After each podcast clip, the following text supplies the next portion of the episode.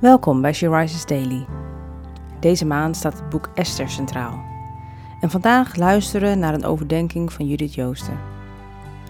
We lezen uit de Bijbel Esther 6, vers 12 tot 7, vers 10. Mordechai ging hierna terug naar de koningspoort, maar Haman haastte zich naar huis, treurend het hoofd bedekt. Aan zijn vrouw Zeres en aan al zijn vrienden vertelde hij wat hem was overkomen. Zijn raadgevers en zijn vrouw zeiden daarop tegen hem: Als die Mordechai, van wie je nu voor het eerst hebt verloren, tot het Joodse volk behoort, kun je niet tegen hem op.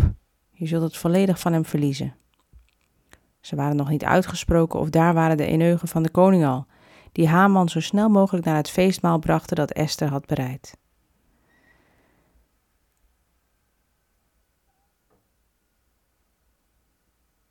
Zo waren de koning en Haman weer bij koningin Esther te gast. Ook op deze tweede dag, zei de koning, terwijl de wijn geschonken werd tegen Esther. Wat wilt u vragen, Esther? Het zal u gegeven worden. Wat is uw wens? Al was het de helft van mijn rijk, uw wens zal vervuld worden. Koningin Esther antwoordde: Majesteit, als u mij goed gezind bent en als het de koning goed dunkt, schenk mij en ook mijn volk dan het leven. Dat is wat ik wil vragen, dat is mijn wens. Want we zijn verkocht, mijn volk en ik, om gedood te worden en volledig te worden uitgeroeid. Als we waren verkocht als slaven en slavinnen, dan zou ik hebben gezwegen, want zo'n ramp zou de belangen van de koning niet schaden. Wie is die man? Waar is die man die zijn zinnen erop heeft gezet om zoiets te doen? vroeg koning Ahasveros aan koningin Esther.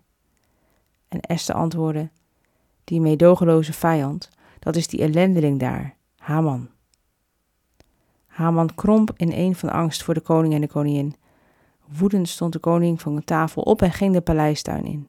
Maar Haman bleef om koningin Esther om zijn leven te smeken, want hij besefte dat hij van de koning niets goeds te verwachten had. Toen de koning uit de paleistuin terugkwam in het vertrek waar het feestmaal werd gehouden, had Haman zich juist laten neervallen op de bank waarop Esther lag. Ook nog de koningin aanranden in mijn aanwezigheid, riep de koning uit. Nauwelijks had hij deze beschuldiging geuit of men bedekte Hamans gezicht. Gabona, een van de eunuchen die de koning diende, zei: Staat er bij Hamans eigen huis niet al een paal van 50 el hoog, die Haman heeft neergezet voor Mordechai? Dezelfde Mordechai die de koning ooit zo'n grote dienst heeft bewezen? Hang hem daaraan, zei de koning. En zo werd Haman aan de paal gehangen die hij had laten klaarzetten voor Mordechai. En toen bedaarde de woede van de koning.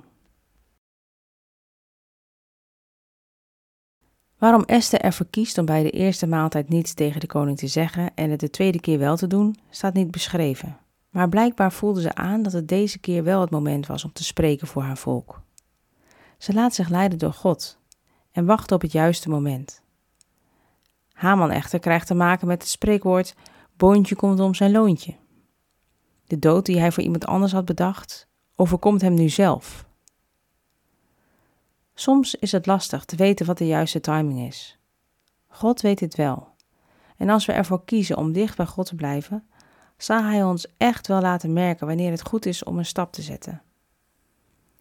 Esther laat zien dat dit werkt.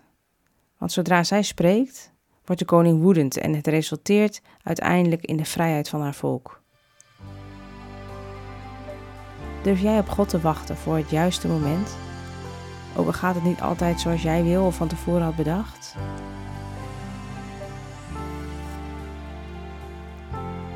Lieve God, het is soms erg lastig om te wachten. We willen namelijk vaak dat iets snel gebeurt. Help ons om net als Esther dicht bij u te blijven en zo te weten en aan te voelen wat de juiste timing is. Zodat u kunt doen wat u bedacht heeft.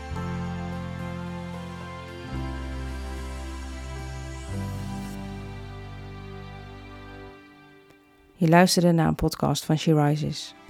She Rises is een platform dat vrouwen wil bemoedigen en inspireren in hun relatie met God. We zijn ervan overtuigd dat het Gods verlangen is dat alle vrouwen over de hele wereld Hem leren kennen. Kijk op www.she-rises.nl voor meer informatie.